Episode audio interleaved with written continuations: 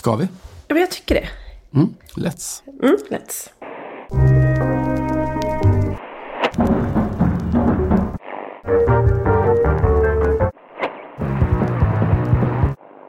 Jag bebor min sorg och detta gör mig lycklig.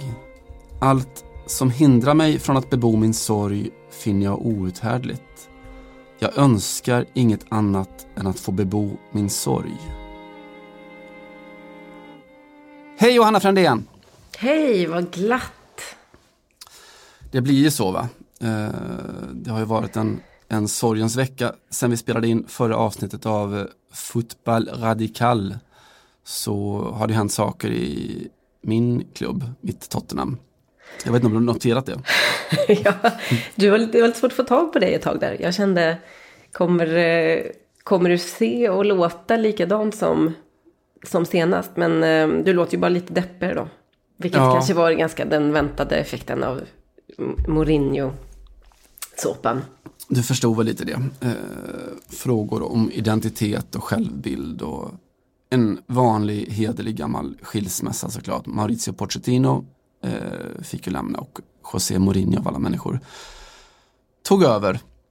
Det var det, jag vet inte om vi ska fördjupa oss i det. Eh, det jag läste är Eh, från, eh, passande nog då, från Roland Barthes eh, sorgedagbok som ju gavs ut på svenska häromåret.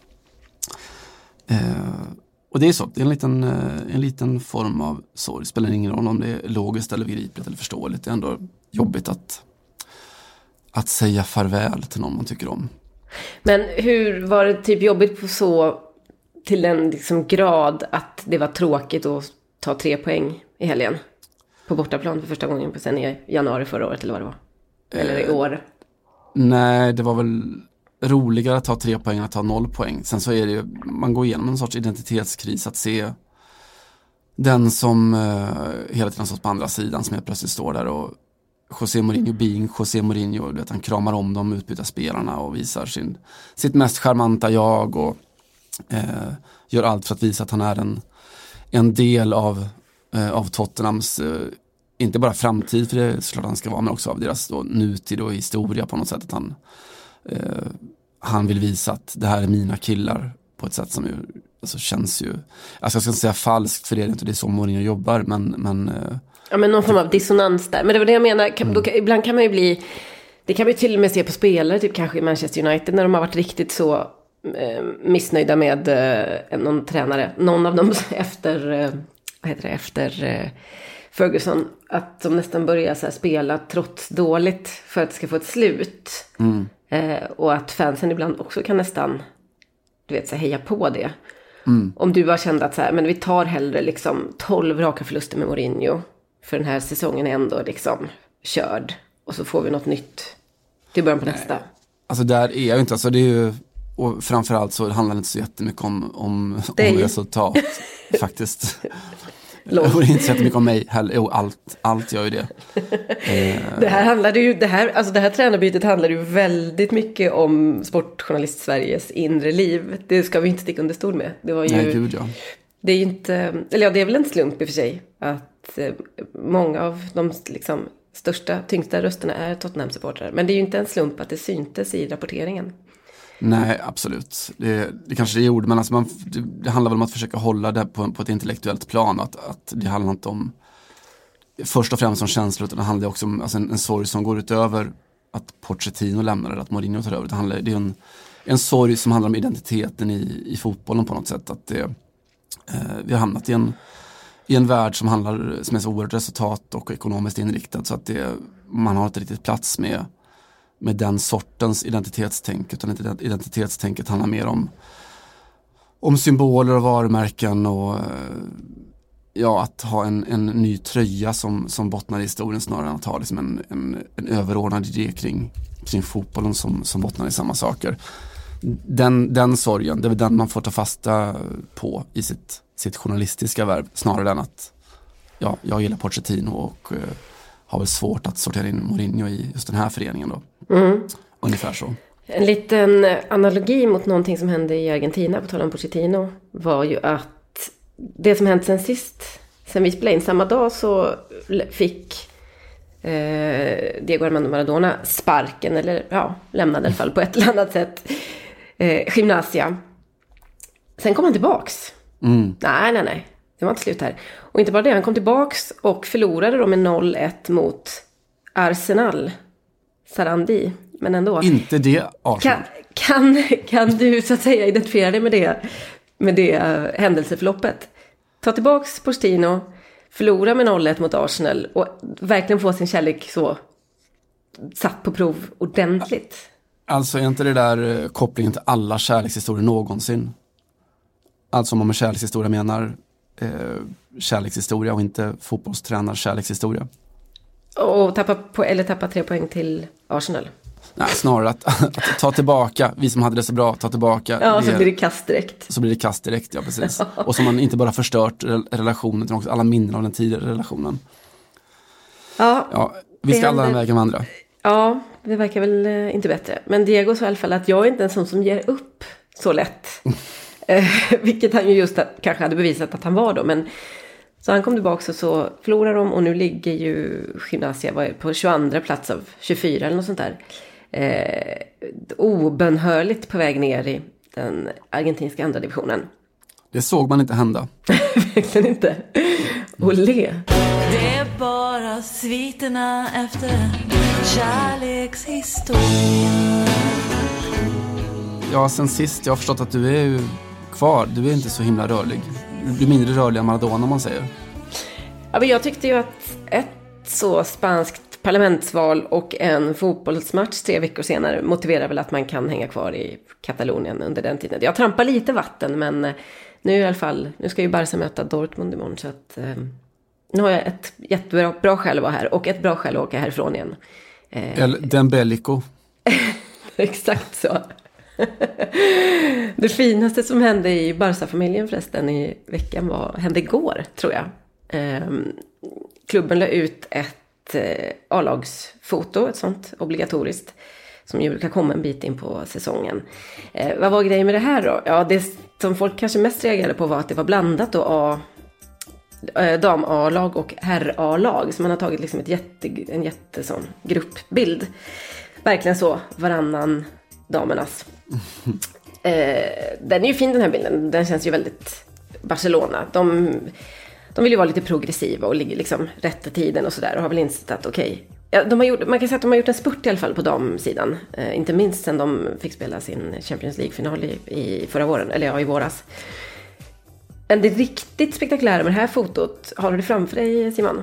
Jag har det framför mig. Ja, det är ju att de har alltså lagt ut en bild på sin hemsida av fotograferingen där man har skurit bort då, först tänker man att man vill skurit bort kanske någon materialare på kanten. Nej, man har fan skurit bort, inser man till vänster, eh, Osman Dembélé längst ner i bild.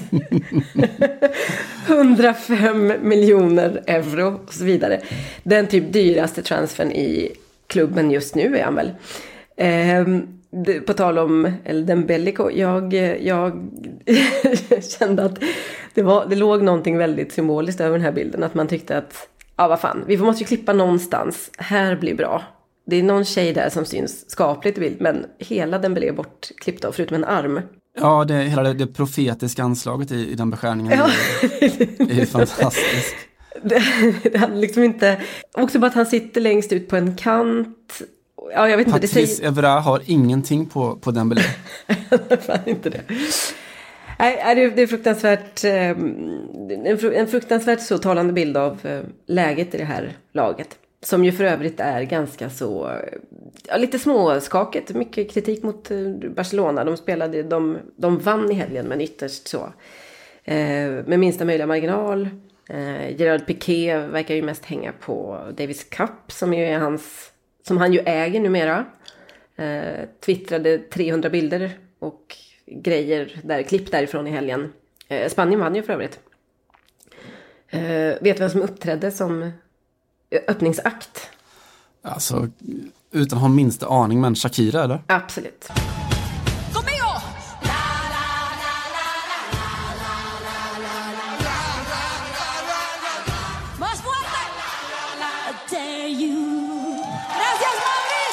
Shakira med eh, 15 graciösa dansöser.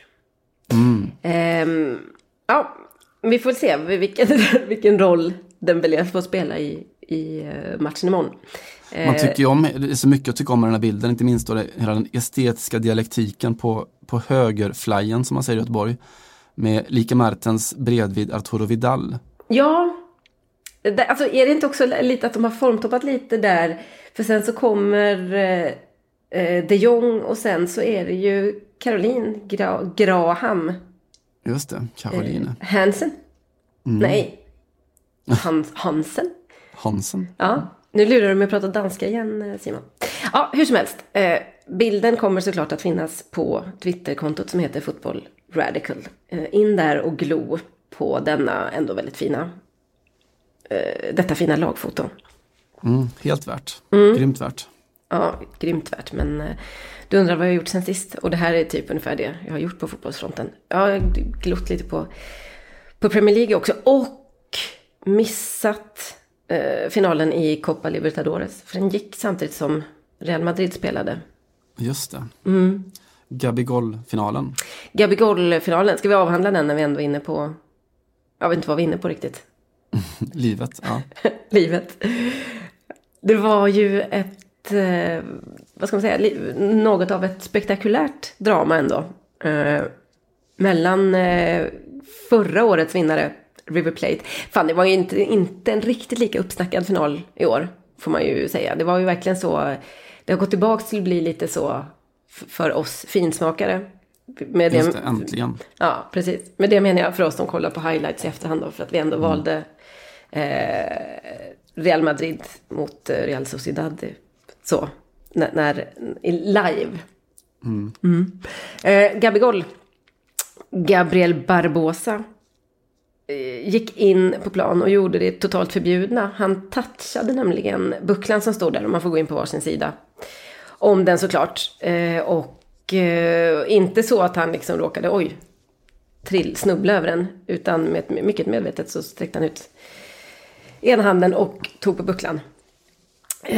detta gör man ju inte utan att det uppmärksammas i det mycket vidskepliga Sydamerika såklart. Och sen så gjorde han ju en ganska slät figur i 80 minuter ungefär. För att inte säga totalt eh, misslyckad insats.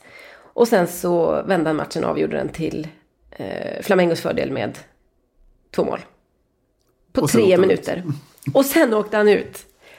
Och sen vann alltså eh, Flamengo sin andra titel på 22 timmar eller vad det var.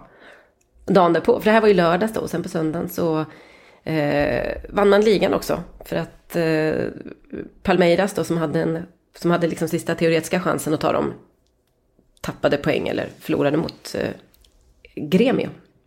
Och det är lite sådär, alltså Flamengo känns ändå som en oerhört stor sydamerikansk klubb, eller det är en oerhört stor sydamerikansk klubb, men de har alltså ännu inte vunnit eh, Libertadores mer än, vad var det, typ början av 80-talet senast? Det var faktiskt precis mitt födelseår, om du vet när det var. 1962. exakt så. Mm. 81 va? 81, exakt. Nej, det var helt eh, fantastiskt. Men det är ju intressant det där. Vi pratade lite om eh, vidskeplighet häromdagen, eller ja, det dyker ju upp såklart när man pratar om våra, våra favoritfotbollsländer. Eh, där det bästa man kanske har hört, eh, den bästa nya så eh, vidskeplighets liksom, besattheten kanske ändå är Sarris initiativ att hans mm. fru fick, var tvungen att sitta kvar på bussen för att hon hade gjort det en gång och då hade de vunnit och så var det, fick hon liksom upprepa det. Um, det finns ändå, det finns ganska mycket som är väldigt så marknadslogiskt i fotbollsvärlden och så finns det några saker som är helt uppåt väggarna fortfarande. Det är ändå på något sätt vidskepligheten. Har du någon sån favoritskrockgrej eh, uh, som du har sprungit på genom åren? Jo, men det har alltså, rent sådär, alltså det känns som att Italien är, är Europamästare på, på det. Alltså jag minns jag var nere och såg Juventus och det kan ha varit nästan Dele Alpi-tiden, tror jag, inte helt hundra på det, men alltså tidigt 2000-tal i alla fall. Mm. Eh, och de har då säkrat en ligatitel i, i praktiken men inte i teorin, så att ingen av Juventus-spelarna vill ju, vill liksom prata om, om att de har vunnit, fast alla vet om det egentligen.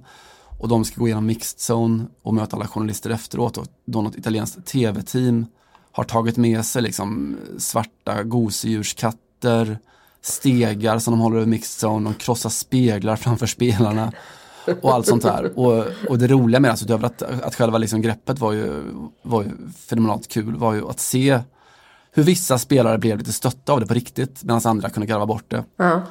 Eh, såklart, men alltså de är ju de är ju bäst i Italien på det. Alltså, ju längre söderut man kommer ju mer, ju mer vidskepliga är de, ju mer skaramantiga benägna är de. Neap- Neapel är, ga- är galnast av alla alltså. Ja, sinnessjukt. De har hela sin numerologi och sådär. Ja, framförallt det. Olika siffror betyder olika saker. Och, och 17 allt är ju också det riktigt så mm, numret att undvika. Ja, det är Ett av fascinerande. många. Mm, ett av många. Eh, jag vet att Gattuso brukade ju läsa Dostojevskij på i om, omklädningsrummets toalett före matcherna. Det var hans grej. Eh, andra sidan av skalan, lite mer, lite mindre litterärt var ju Pippo Inzaghi som hade tusen olika saker men det mest uppmärksammade och återberättade är väl att han eh, åt sådana här eh, kex plasmon tror jag de heter. Någon sån här barn, barnkex, ett paket före varje match.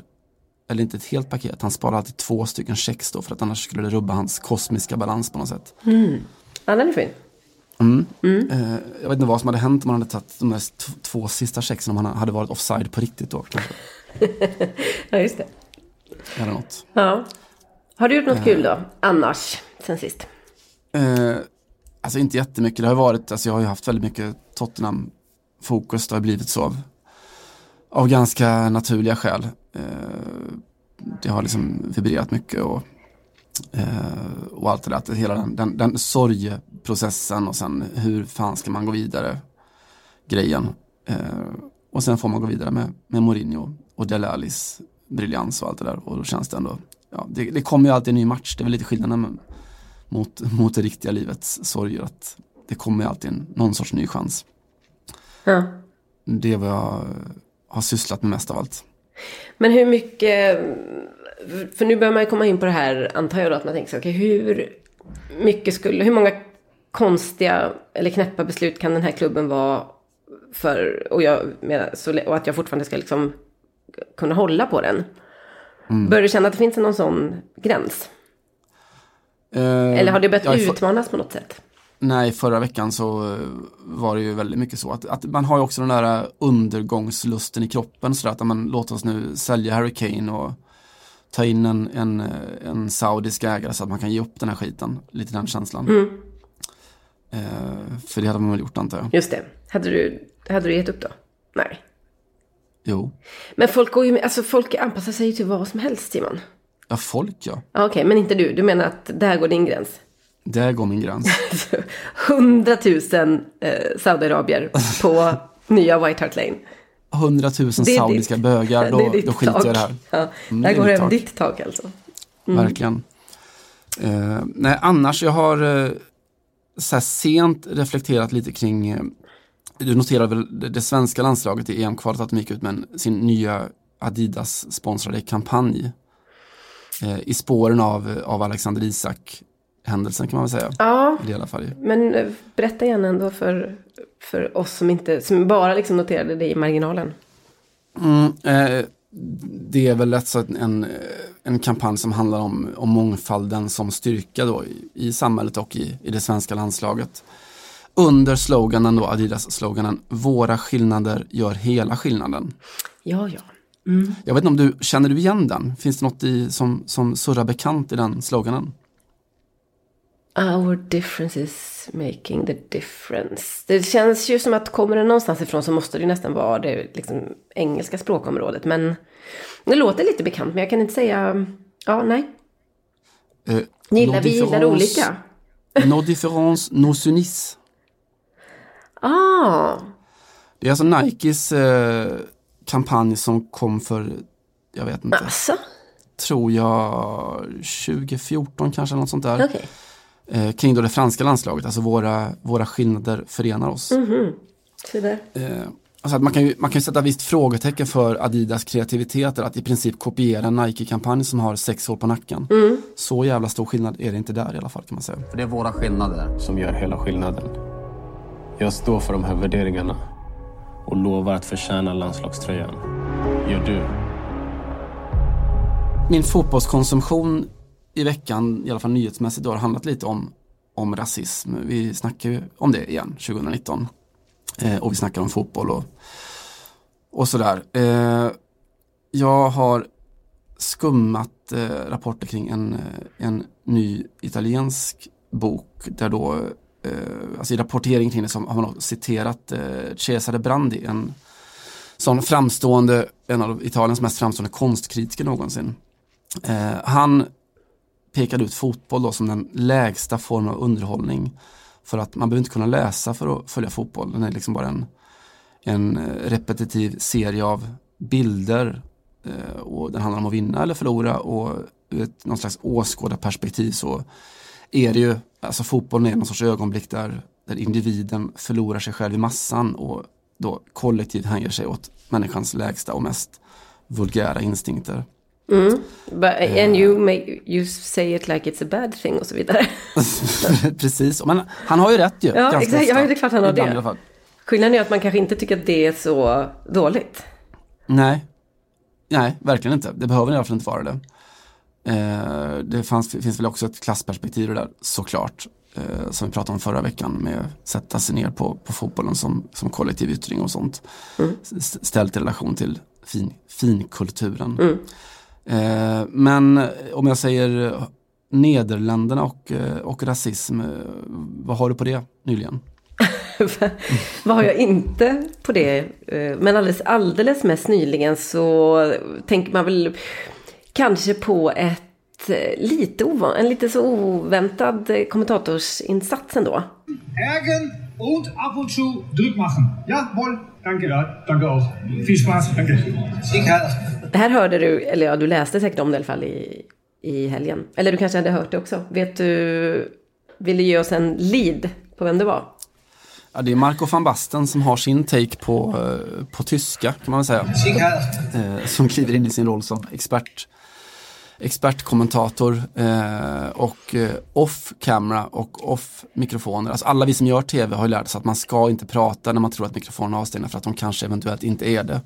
Att det finns alltid streams där allting man säger går ut och så. Marco van Basten en duktig fotbollsspelare på sin tid var lite sämre i sin, eh, sin tv-take och försöker skoja till det. Man kan väl säga så här att han satt i studion då som eh, ja, expert medan de är ute på fältet och har, gör, det görs en intervju då med eh, den tyska tränaren eh, Frank Wormuth. Ajax mot Herakles Almelo är det som har eh, mötts.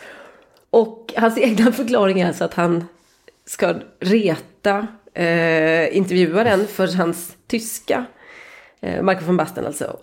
Och bara kastade ur sig det här. Och jag vet inte om han var så himla oförberedd på att det skulle höras. Jag kan också mycket väl tänka mig att Marco von Basten intellektuellt är typ 15 år, går på så här Stöpenskolan utanför Skövde och tycker att det är lite roligt att skämta om nazism. Alltså att det inte har hänt så mycket sen dess. Och att han kanske också tänkte någonstans att eh, han pratar tyska, vad roligt. Vad tänker man när man tänker Tyskland? Man tänker Hitler. Jag kastar in ett Sieg Heil, det kanske flyger. Eh, ja, nej, jag vet inte. Det, man ska ju inte ironisera för mycket kring sånt här. För att det, det finns ju fortfarande, eller det finns ju givetvis människor som kan ta illa upp. Men det här är ju så... Det är Till så exempel kring Ajax. det kan man tänka sig, ja. Men det här är ju så, det är ju så bortom allt konstigt att han liksom får den här tvångstanken och bara Också att han skulle känna sig bekväm i den så bekväm i den studiomiljön att han tror att ett litet så naziskämt har väl ingen dött av. Ja, nej, ja. Det är inte det roligaste skämtet man har verkligen- på, på Heil Hitler-temat. Nej, det är verkligen inte på något sätt eh, roligt, utan det är bara så totalt... Eh, det, det är ju så, det är det första liksom enklaste och eh, återigen så högstadiemässiga man kan eh, kasta ur sig. Men, Ja, och då är vi ändå rasbiologiska vita sportjournalister. Ja, precis. Så vi hade ju kunnat uppskatta det. Eh, om man hade liksom haft någon, någon form av verkshöjd på det hela. Men intressant i alla fall att de ja, stängde av eh, van Basten då i en vecka. Så nästa helg är det väl så får han inte vara med i, i studion. Och det, den ersättningen som han får för en dags eller en helginsats ska oavkortat då gå till ett, eh, en förening eller organisation som jobbar mot eh, hatbrott och för att eh, hålla förintelsens hemskheter aktuellt i folks medvetande och så vidare. Ja, eh, van Basten gjorde ju sitt då för att lyfta eh, diskussionen kring eh, rasism och nazism i en eh, nederländsk kontext. Han var ju sannerligen inte ensam om det. Eh, annat ur nyhetsflödet i veckan från då den logiskt döpta andra divisionen i, i Nederländerna som heter Eerste Divisie.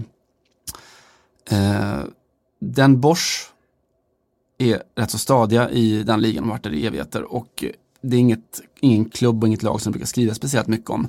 Nu har det gjort det eh, och av helt fel skäl kan man väl säga. De mötte Excelsior förra helgen. Eh, sjätte raka ligamatchen utan vinst, 3-3 slutade. Och mycket, mycket rapporterat då i, i Nederländerna av helt märkliga skäl. Då. För att det som händer i matchen är att från minut ett så trakasserar hemmafansen Excelsiors vänsterytter då, eh, Ahmad Mendes Moreira, bördig från eh, Guinea.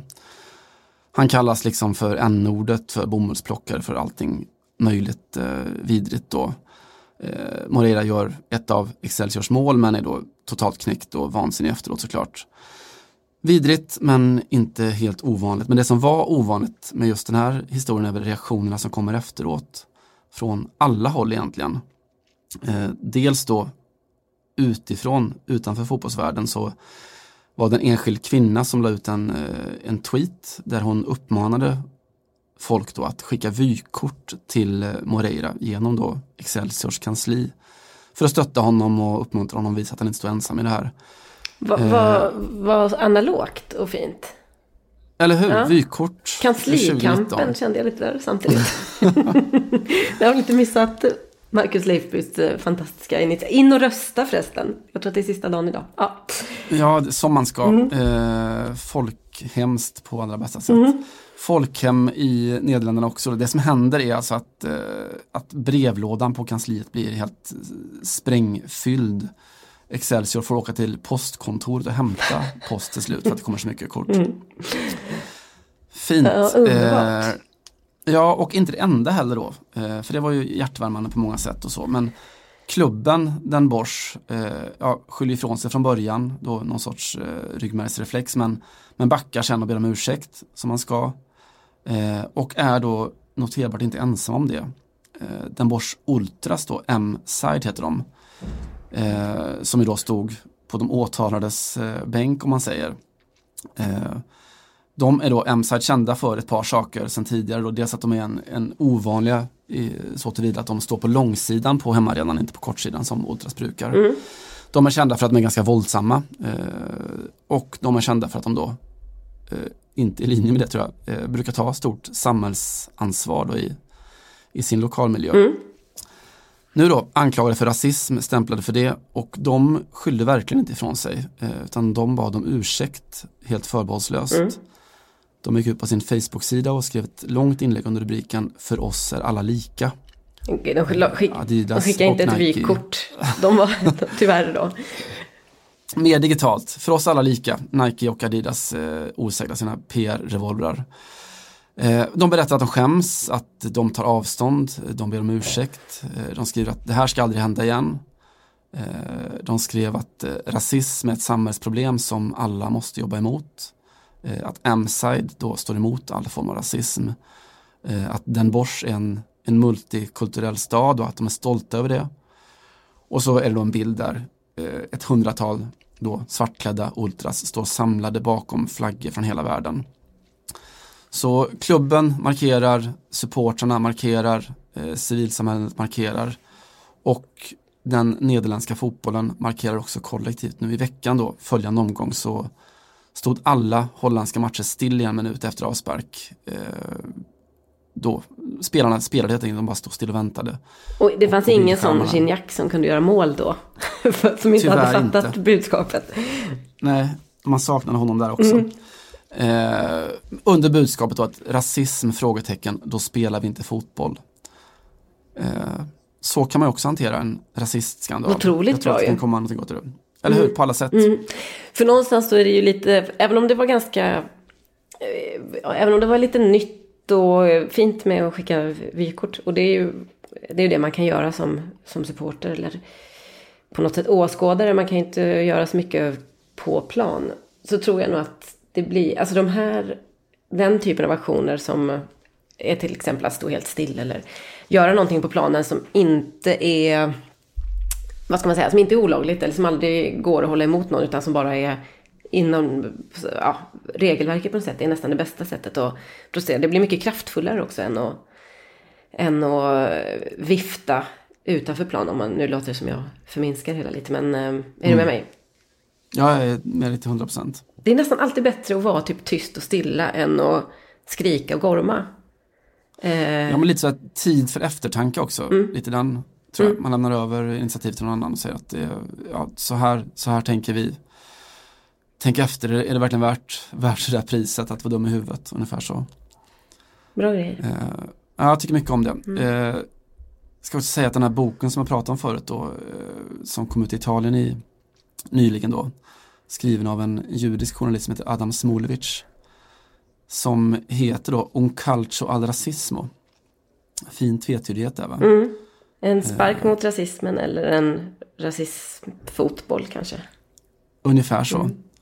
Eh, han har skrivit då 20 kapitel, 20 berättelser om, om hur rasismen har präglat eh, fotbollen och fotbollens historia.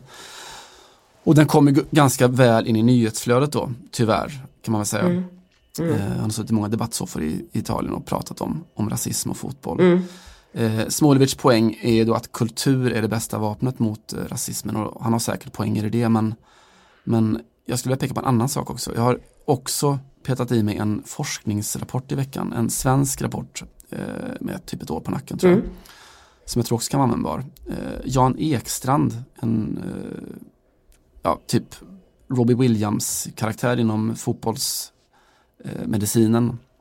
Eh, Sveriges stora superstjärna internationellt. Ja, för jag undrade just vad, vad är kopplingen här?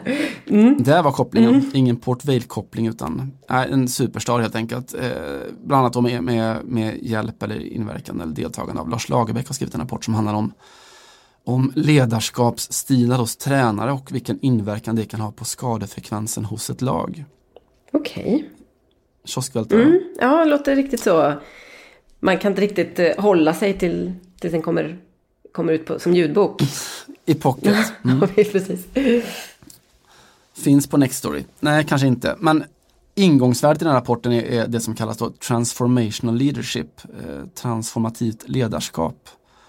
Eh, någon sån här amerikansk ledarskapsmodell som, som bygger på att ja, ledaren som är demokratisk eller stimulerar delaktighet hos sina underordnade och lyssnar och inspirerar och har en tydlig värdegrund. Och, ja, att, att han är så här demokratisk helt enkelt. Eh, vad betyder det för ett lag? Alltså vad är skillnaden mellan att ha en diktatorisk ledare och en, en demokratisk ledare ungefär för skadefrekvensen? Eh, de har kollat upp det här de med 36 stycken elitklubbar runt om i Europa eh, där då chefsläkaren har fått bedöma huvudtränarens ledarstil. Vä- väldigt binärt system också. Är det en, är det en demokrat eller en diktator? Det finns en hel sån Galtan-skala där tror Ja. jag. Eh, jag tänker Pochettino, Mourinho kanske. Ja. Eh, I alla fall utifrån sett då. Eh, och så sen då mäta eh, skadorna utifrån det. Har det en effekt på hur ofta spelarna blir skadade? Och det hade det såklart då. Att allvarliga skador var mycket lägre i klubbar där tränarna dels då eh, har kommunicerat ut en, en tydlig vision av sitt ledarskap då, och också delegerar till andra, andra ledarstaben och pratar mycket med, med sina spelare. Inte sensationellt Nej, men, eh, det hade man kanske kunnat tänka sig. men ändå alltså, intressant. Det säger väl en del om ledarskap, inte, kanske inte bara i fotbollen utan i alltså samhällswise också. Eh, en, en vettig väg framåt. Där inlyssnande och, och delaktigheten. Har man ingen delaktighet och har man ingen, har man ingen röst så blir du skadad både på någon sorts samhälleligt plan eh, och på ett rent fysiskt fotbollsplan. Hallå där.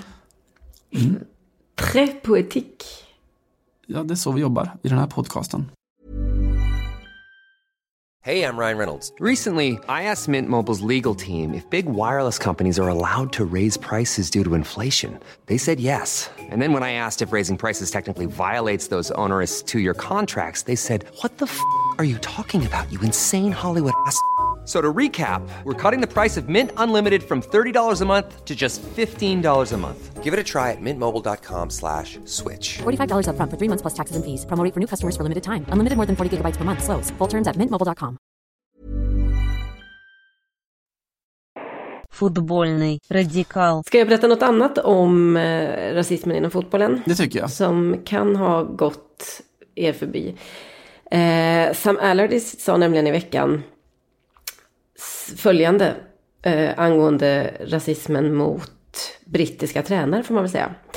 The best way, to, nej vänta, hur pratar han då? The best way to get Premier League job if you are British is to change your name to a foreign name. I've always said that if I was Alardisio I would have managed Manchester United. Så sant. Alardisio. Det var pyttelite fyndigt ju, Är inte tycker det så jag. här Shakespeare-karaktär hade det kunnat vara? Något i Hamlet eller så? det, låter, det är väl någon av, är det inte så här någon av, låter som någon av bifigurerna i, i eh, En midsommarnattdröm. Puck och Alardisio, heter de inte så? ja, i alla fall. Eh, Sam tillhör ju det gamla skrået, kanske vi kan eh, konstatera. Eh, för att vara eh, liksom strukturellt eh, diskriminerad får man säga att han har ju haft ganska många jobb i Premier League. Och han kanske inte alltid har så att säga entledigats från dem på grund av, av sin etnicitet. Men kanske ibland, vad vet jag. Eh, men, men smärtsamt ofta har de väl gått lite hand i hand med, med resultaten ändå får man säga. Eh, intressant anekdot om och med Sam Allardyce kom från den franske före detta spelaren Gaël Givet i helgen. Som gjorde, han gjorde en intervju med L'Equipe. Han spelade i Monaco i många år. Och i Marseille var han minsann också eh, ett par säsonger. Säger man. Marseille måste jag kasta in där. Marseille blev nämligen, eller var inför helgen, den första laget i, tror jag, fan, franska ligans historia att ligga tvåa i tabellen med minusmål. Men nu ordnar de upp det, så nu har de ett plusmål. Är ganska lite ändå. Eh, Gael Givet sa i alla fall så här då, han spelade ju nämligen i många år i Blackburn under Sam Allardyce. Och berättar en anekdot som har eh, lite koppling till vad vi har pratat om tidigare. Det var några veckor sedan så berättade jag om när Jürgen Klopp hade försökt eh, kicka igång sina killar med eh, något lite scener ur eh, Rocky-filmerna. Okej, Och insåg- boomer. Precis så. Och, och det var liksom, gick upp för honom efter ett tag. Vad fan, de här är ju födda på 90-talet. Det är ju ingen som, hälften visste ju, två av dem hade ju typ sett Rocky, inte mer eller så. Eh, Gael Givel berättar följande. Att de skulle möta Manchester United då, med Blackburn. Och Sam, Big Sam, han eh, kommer in då liksom i videorummet, säger, eller ja, i omklädningsrummet är det väl. Eh, killar, kom igen nu, sätt er ner. Och så drar han igång en sån eh, projektor på något sätt. Vi kanske kan kalla det en, en tjock-tv, vad vet jag. Och eh, visar upp någon form av best of då, lite blandning mellan Gladiator och filmen 300 som också är någon sån, eh, ja men riktigt så, svärd, eh, svärd och sköld och mansfilm i alla fall. Och så säger Givet då att vi går liksom ut på plan som riktigt så här, oh, nu jävlar liksom. Känner, ja, han kände sig som en, som, en, som en soldat med svärd helt enkelt. Efter 30 minuter låg vi under med 3-0. Eh, till slut förlorade vi med 7-1. Eh, efter matchen kunde vi bara, det enda vi kunde göra var att skratta åt det. Eh, de här liksom krigarna hade, ja, blev helt överkörda under den eh, matchen. Så även Sam har alltså försökt med gladiatortricket. Eh, skillnaden är att när man spelar i Blackman och ska möta Manchester United så kan det, verkar det kunna få effekten att man blir så uppeldad men att det kanske tar lite av koncentrationen från, jag vet vad vet jag, detaljerna och så vidare. Det är inte alltid ett eh, bra, ett så supertips. Eh, det är ju sånt där som är fantastiskt när det funkar. Det känns som att väldigt mycket sådär the proof is in the pudding resonemang. Alla får man Ja, som men det inspiration. Går det bra så är det fantastiskt, går det inte bra så är det ju det mest paja som existerar överhuvudtaget. Ja, och precis. Och det här är väl lite som alla de tänkbara undertröjorna med budskap på som, aldrig, som ingen, eller som den tänkte målskytten inte fick dra av sig då för att man inte gjorde något mål eller man förlorade matchen eller vad som helst. Eh, alla så här runka upp stridskuken eh, tillfällen, för att citera Jon Björklund, där 30, ja men 25-30 män har suttit i ett omklädningsrum och tittat på Gladiator eller Sparta eller vad fan vet jag, och bara gått ut och blivit överkörda.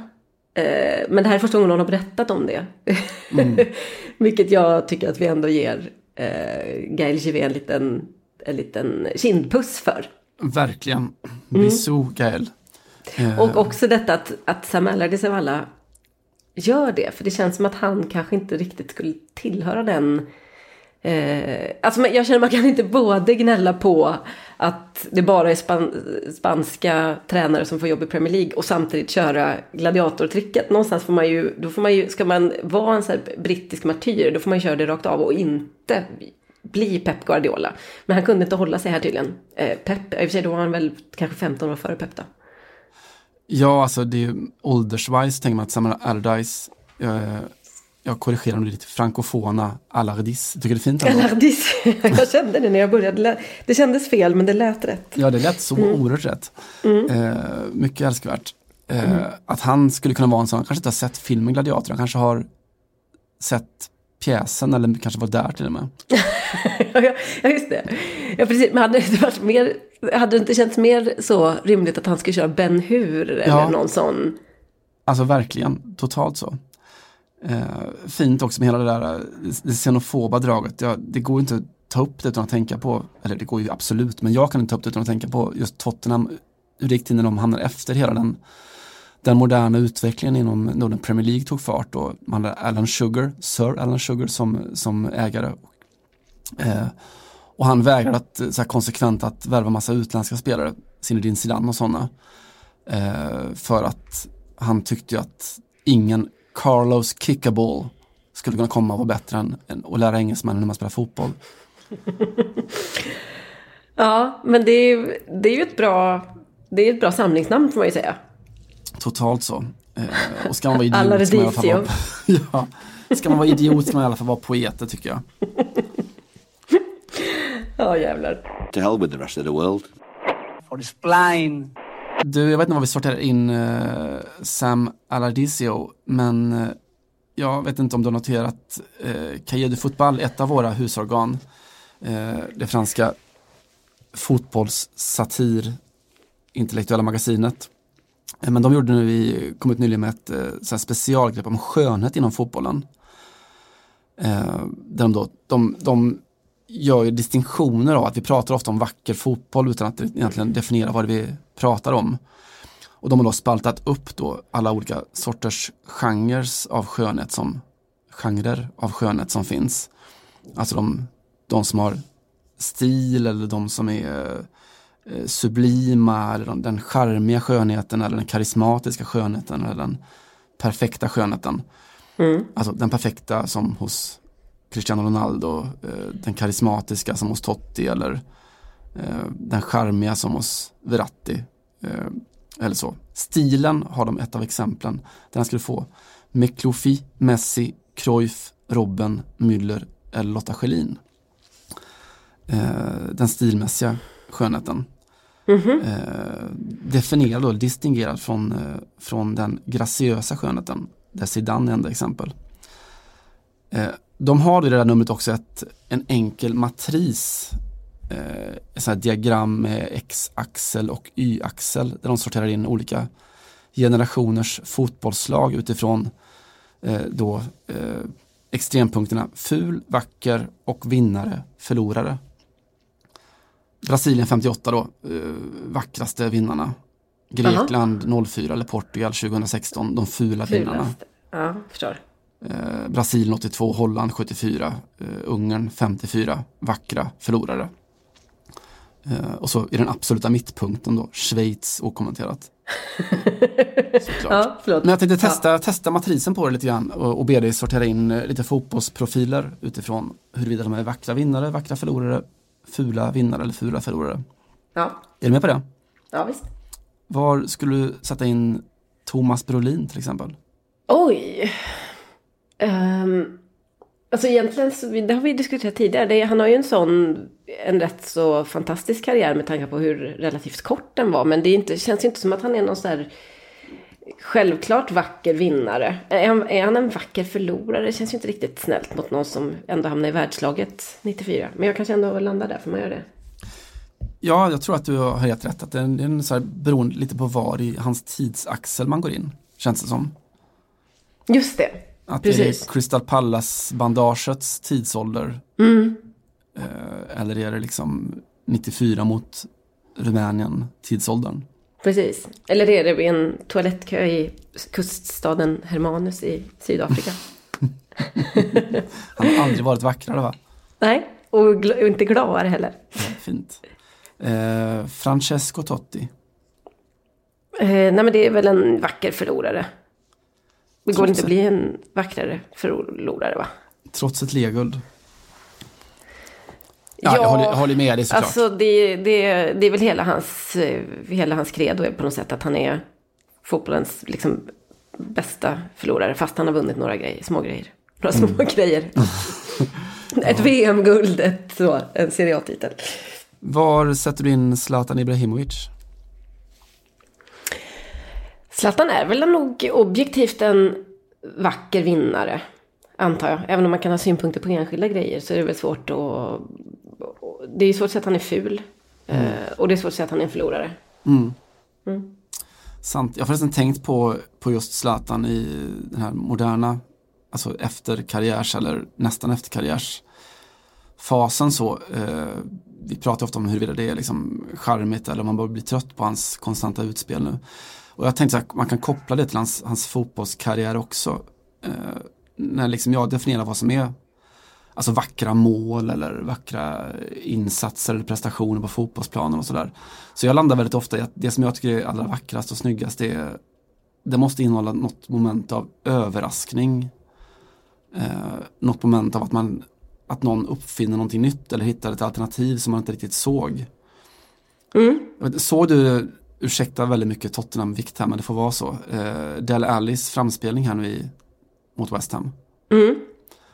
Just den där, att man, man hajar till, vad, vad fan hände där egentligen? Vad, Hur gick det där till? Eh, när man, någon hittade inte alternativ A och inte alternativ B utan uppfinner sitt eget alternativ C. Ja, just det. Och kopplat till Zlatan, att man blir inte överraskad av honom längre på samma sätt. Nej, Alltså, Men det är jag väl menar också- hans utspel och så menar jag att, eh, ja nu är det Zlatan till Hammarby, frågetecken och sådär. Att det, det har förlorat sin överraskningseffekt. Men det, har ju, alltså det är någonting som hela tiden har, eller de senaste tio år, eller ja, fem åren i alla fall, pågått på något sätt utanför planen. Och problemet för Zlatan är att han inte riktigt medveten om att det där inte längre, längre vägs upp av att man ser honom vecka ut och vecka in. För det gör inte svenskarna, liksom, eller har inte gjort under de här två säsongerna i, eh, i MLS. Eh, för då, någonstans så går det ju hyfsat i alla fall och mm, kompensera alla de här liksom sociala medier-utspelen eller vad vi ska säga PR-tricken med stört bra insatser. Men, och även om han har varit liksom väldigt eh, lyckosam i en för sig inte så jättebra klubb då i, i USA. Så har man alldeles för lite av det på näthinnan. Alltså gemene man. Jag menar, du och jag går inte heller upp klockan fyra på natten för att titta på de där matcherna. Eh, utom vid, vid enstaka undantag. Så att det är ju det stora problemet med Zlatan. Men han lever i sitt egen universum och känner väl någonstans att jag gör liksom magi på helgerna på plan. Och då kan jag kosta på mig och eh, sälja tuggummi och plasmaskärmar på, i veckorna. Ja. Om man nu tänker. Ja, men lite, för, lite för lite poesi, lite för mycket prosa, ungefär så. Lite för mycket copy. Lite för mycket copy, lite för, lite, lite för mycket paste. Ja, exakt så. Verkligen Du, så. Abby Wambach, Johanna. Mm. Vad är hon? Ja, Det är väl en ganska så icke-estetisk eh, vinnartyp då. Det är också, det vi också kallar för USA. Ja, ja, ja. Karim Benzema. En... ehm, hmm. Den var inte helt lätt. Ehm, det är ganska mycket förlorarstämpel på Benzema. Han har ändå liksom missat någonstans två, ett silver, ett EM-silver och ett VM-guld för gamla försyndelser. Så att han är väl en... Ja, jag skulle nästan kunna säga att han är på väg att slå över mot det här, en, en vacker förlorartyp någonstans. För att eh, det, går, det är väl mycket som går väldigt bra för honom just nu, alltså fotbollsmässigt. Mm. Ehm, ja, ska vi säga att han är en vacker förlorare då? Eh, jag tycker det. Mm. Eh, och avslutningsvis då, André Pops. det, det är ju en, en klassisk vacker vinnare va? Om du säger det så, Ja, jag slår fast det. vi låter det vara så. Mm. Den skotska andra divisionsklubben Partick Thistle har fått en ny majoritetsägare eh, alldeles nu nyligen.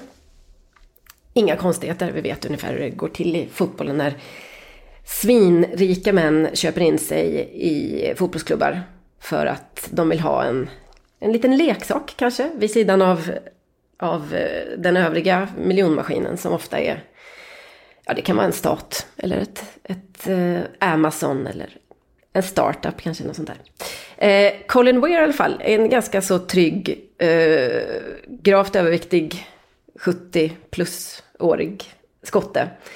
Eh, som vann sina fan, 161 miljoner pund. Det pengar det också. Jag vågar inte ens tänka på hur, mycket, hur sinnessjukt mycket pengar det är. Eh, men han vann det på lotteriet som heter Euromillions. Jag tror, tror inte det finns i Sverige, men i Europa är det här en, en, en big deal i alla fall. Eh, just för att det är sådana gigantiska summor som går ut. Eh, 2011 vann han pengarna så att han har haft tid på sig att fundera på vad han skulle göra med dem. Men han fattade i alla fall då beslutet att han skulle gå in i sin klubb, Partick Thistle. Och eh, återigen, det här är vi ganska vana vid liksom som en, som en liten sån, ja vad ska man säga, litet, lite hybris och kanske också en pojkdröm som får så blomma ut totalt. Skillnaden med eh, Colin Weir då, i det här fallet är att han tog, köpte in sig på både arenan och eh, marken som omger den och eh, 55 procent av, av aktierna i klubben med det uttalade målet att ge tillbaks detta till eh, fansen eller supportrarna.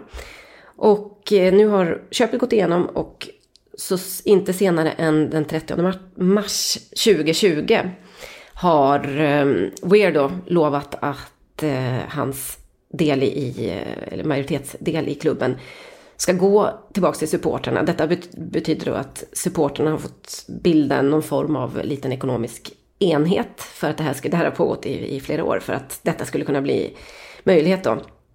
Och eh, ja, inte så mycket mer att säga annat än att, eh, att Colin Weir är veckans profil för att han gör det som väldigt många män med mycket pengar gör.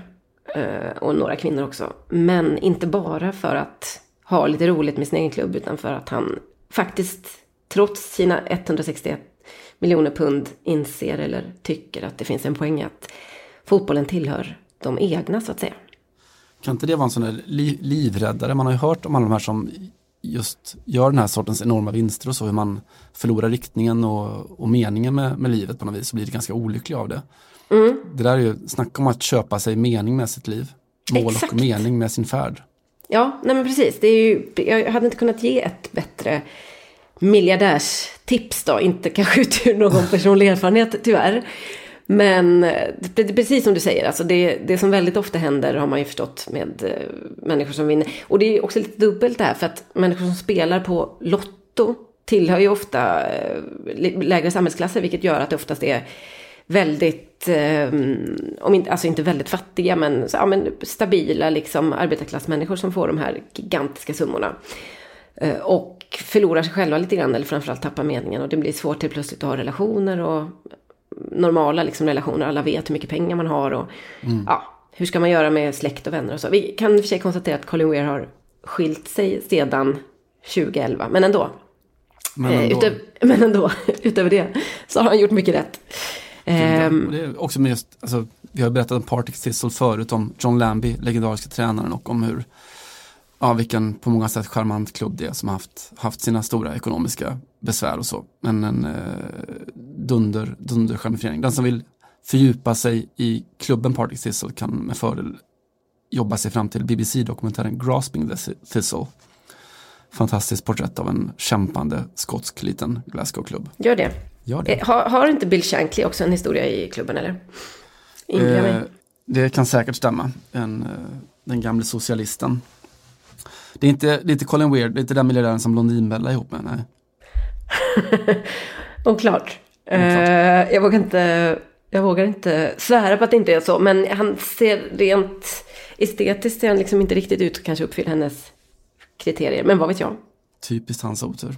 Eh, det finns ju ett, sån här, ett sånt lottospel, transeuropeiskt lottospel i Sverige som heter Eurojackpot. Eh, och jag, när jag har spelat på det där så man kan vinna en miljard eller så och då slår det mig alltid med så här, men en miljard, alltså gud vad skulle jag göra? Eh, och sen slår det mig alltid i nästa ögonblick att jag skulle fortfarande inte ha råd att köpa Harry Kane. Vilket så Nej, den är ju tung. den är ju tung i och för sig. Ja, det, alltså, du det också- är ändå en insikt om hur sjuk fotbollsvärlden är. Liksom där, bortom drömmarnas mål för, för en själv så når man fortfarande inte upp till fötterna.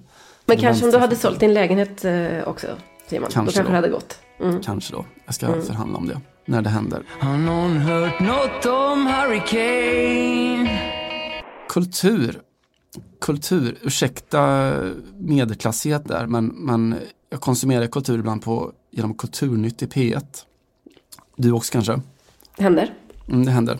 I förra veckan så hade de, jag noterade då att det var inslag om, då dels om, om Matilda Gustafsson, DN-journalisten och hennes då nya reportagebok här, Klubben om eh, Jean-Claude Arnault, akademiavslöjandena. Mm. Eh, det låg då back to back med ett inslag om en komiker som heter Jonas Strandberg från Horre utanför Kinna. Eh, som gjort en dokumentär som heter Det blev ingen CD om den här då klassiska notisen i lokalpressen där som eh, sen då gav upphov till det här nätmimet om dagens lokaltidningsbesvikelse. Jag har själv växt upp på landet och är ganska välbekant med lokaltidningar. De skriver ju ofta om väldigt, väldigt små händelser. Men den här notisen slår någon sorts rekord ändå. Den eh, berättar om någonting som inte har hänt. Jaha, mm, den har jag sett ja. Mm. Eh, och det där sammanföll då med att eh, det, då jag läste det som är då veckans kulturtips, eh, Björnkvinnan, Carolina Ramqvists nya bok. Mm. Eh, om då en, en fransk adelskvinna på 1500-talet då som har någon slags eh, ja, bastardaffär med, med, med en man och Nej, nej, nej, nej. Hon blir, nej, nej, bastardaffär. Ja, alltså se. utanför äktenskapet. Hon, hon, hon ligger med fel man helt enkelt. Hon blir kanske till och med våldtagen av dig. Jag också läst den här boken eh, Simon. Så nu får du sluta och komma med en sån patriarkal läsning av den. Hon blir avsatt på en öde ö kan man säga. För att hon har eh, syndat. Mm. Men man vet inte i vilken utsträckning det var frivilligt. Nej, och- Varsågod att fortsätta. Ramqvist eh, diskuterar ju just kring- det där eh, och diskuterar också sin egen patriarkala syn då, ingångssyn på, på just det. Att man inte riktigt vet. Hon föder ett barn på den här öde ön och, och lyckas då överleva genom, genom att jaga och sådär och, och räddas några år senare. Eh, en väldigt speciell bok. Men då det som slog mig just då i relation till de här kulturnyttsupptäckterna är att det, finns en länk då mellan de här tre olika verken och väldigt många andra också. Eh, nämligen att det har blivit så otroligt vanligt med någon form av metakonst då. Alltså klubben, Matilda Gustafssons bok är en reportagebok som handlar om hur det reportaget blev till.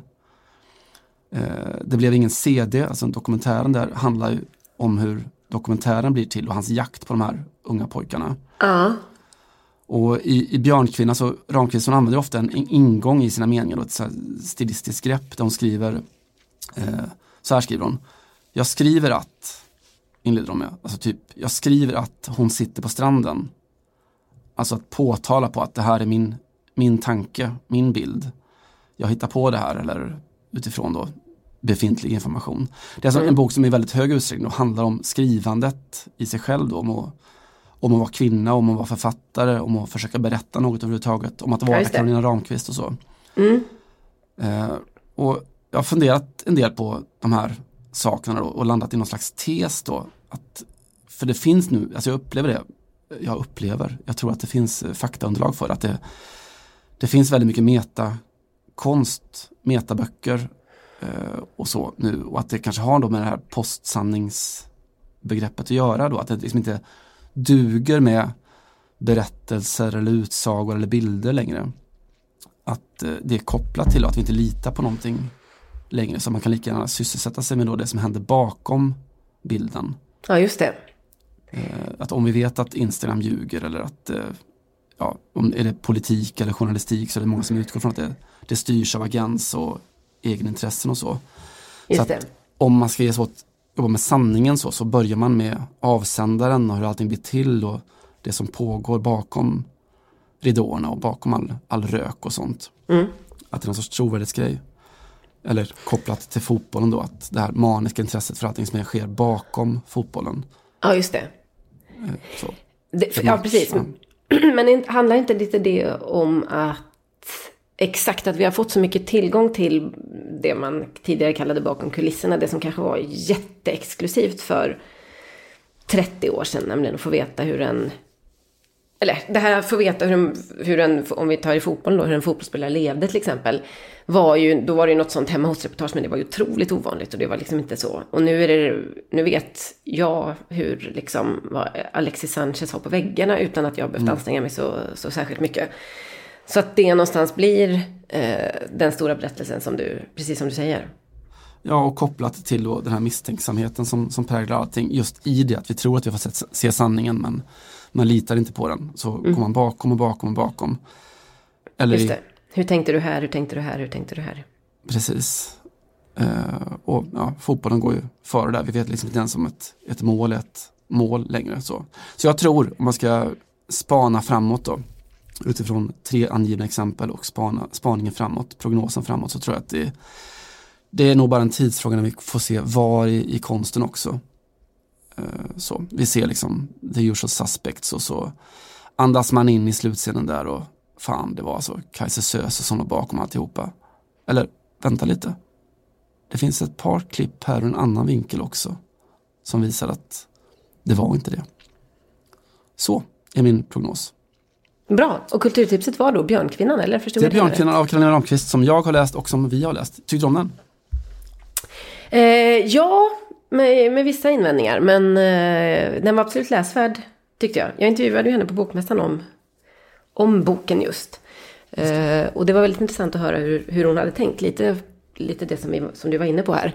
Eh, men jag är inte säker. Det är inte en bok jag skulle rekommendera att vitt och brett. Nu har du i och för sig gjort det då, beroende på om man tycker att vår lyssnarskara är det. Men det är ett Den, intressant den kanske är grepp. vit i alla fall. Exakt. Just så. Eh, ska vi ge, ska jag ta en utgångsmarsch som ändå är, tror jag, lite mer än kan tilltala massorna. Det tycker jag. Eh, I alla fall om man med massorna menar eh, de nykrönta brasilianska mästarna och då Copa Libertadores eh, mästarna Flamengo. För när man så att säga grottar ner sig lite i den här klubben, man behövde inte grotta så mycket för att hitta deras ehm, eh, så, klubbhymn. Det är lite 1A kan tyckas. Men det är något väldigt speciellt eh, med det här soundet som ni kommer få höra snart. Nämligen att man känner att man sitter på en båt och glider in i en ganska så grön och frodig brasiliansk naturhamn med en caipirinha i ena handen. Serverad kanske av en, um, ja det skulle kunna vara till exempel en bartender i i princip bara överkropp fast med en vit väst om du förstår vad jag menar. Allt det här är i alla fall associationer jag gör när jag hör eh, Flamingos hymn och jag tycker att vi kan behöva detta plus allt, eh, alla mina eh, sådana intryck av den i november. Eh, vi hörs om en vecka, inte sant? Det gör vi! Hej! Uma vez Flamengo, sempre Flamengo. Flamengo sempre eu hei de ser. É o meu maior prazer vê-lo brilhar, seja na terra, seja no mar. Vencer, vencer, vencer. Uma vez Flamengo, Flamengo até morrer. Me arrecata, ele me mata, me maltrata, me arrebata, que emoção pro coração. Consagrado no gramado, sempre amado, mas cotado no tatu. É o ai Jesus, eu teria um desgosto profundo se faltasse o Flamengo no mundo. Ele vibra, ele é fibra,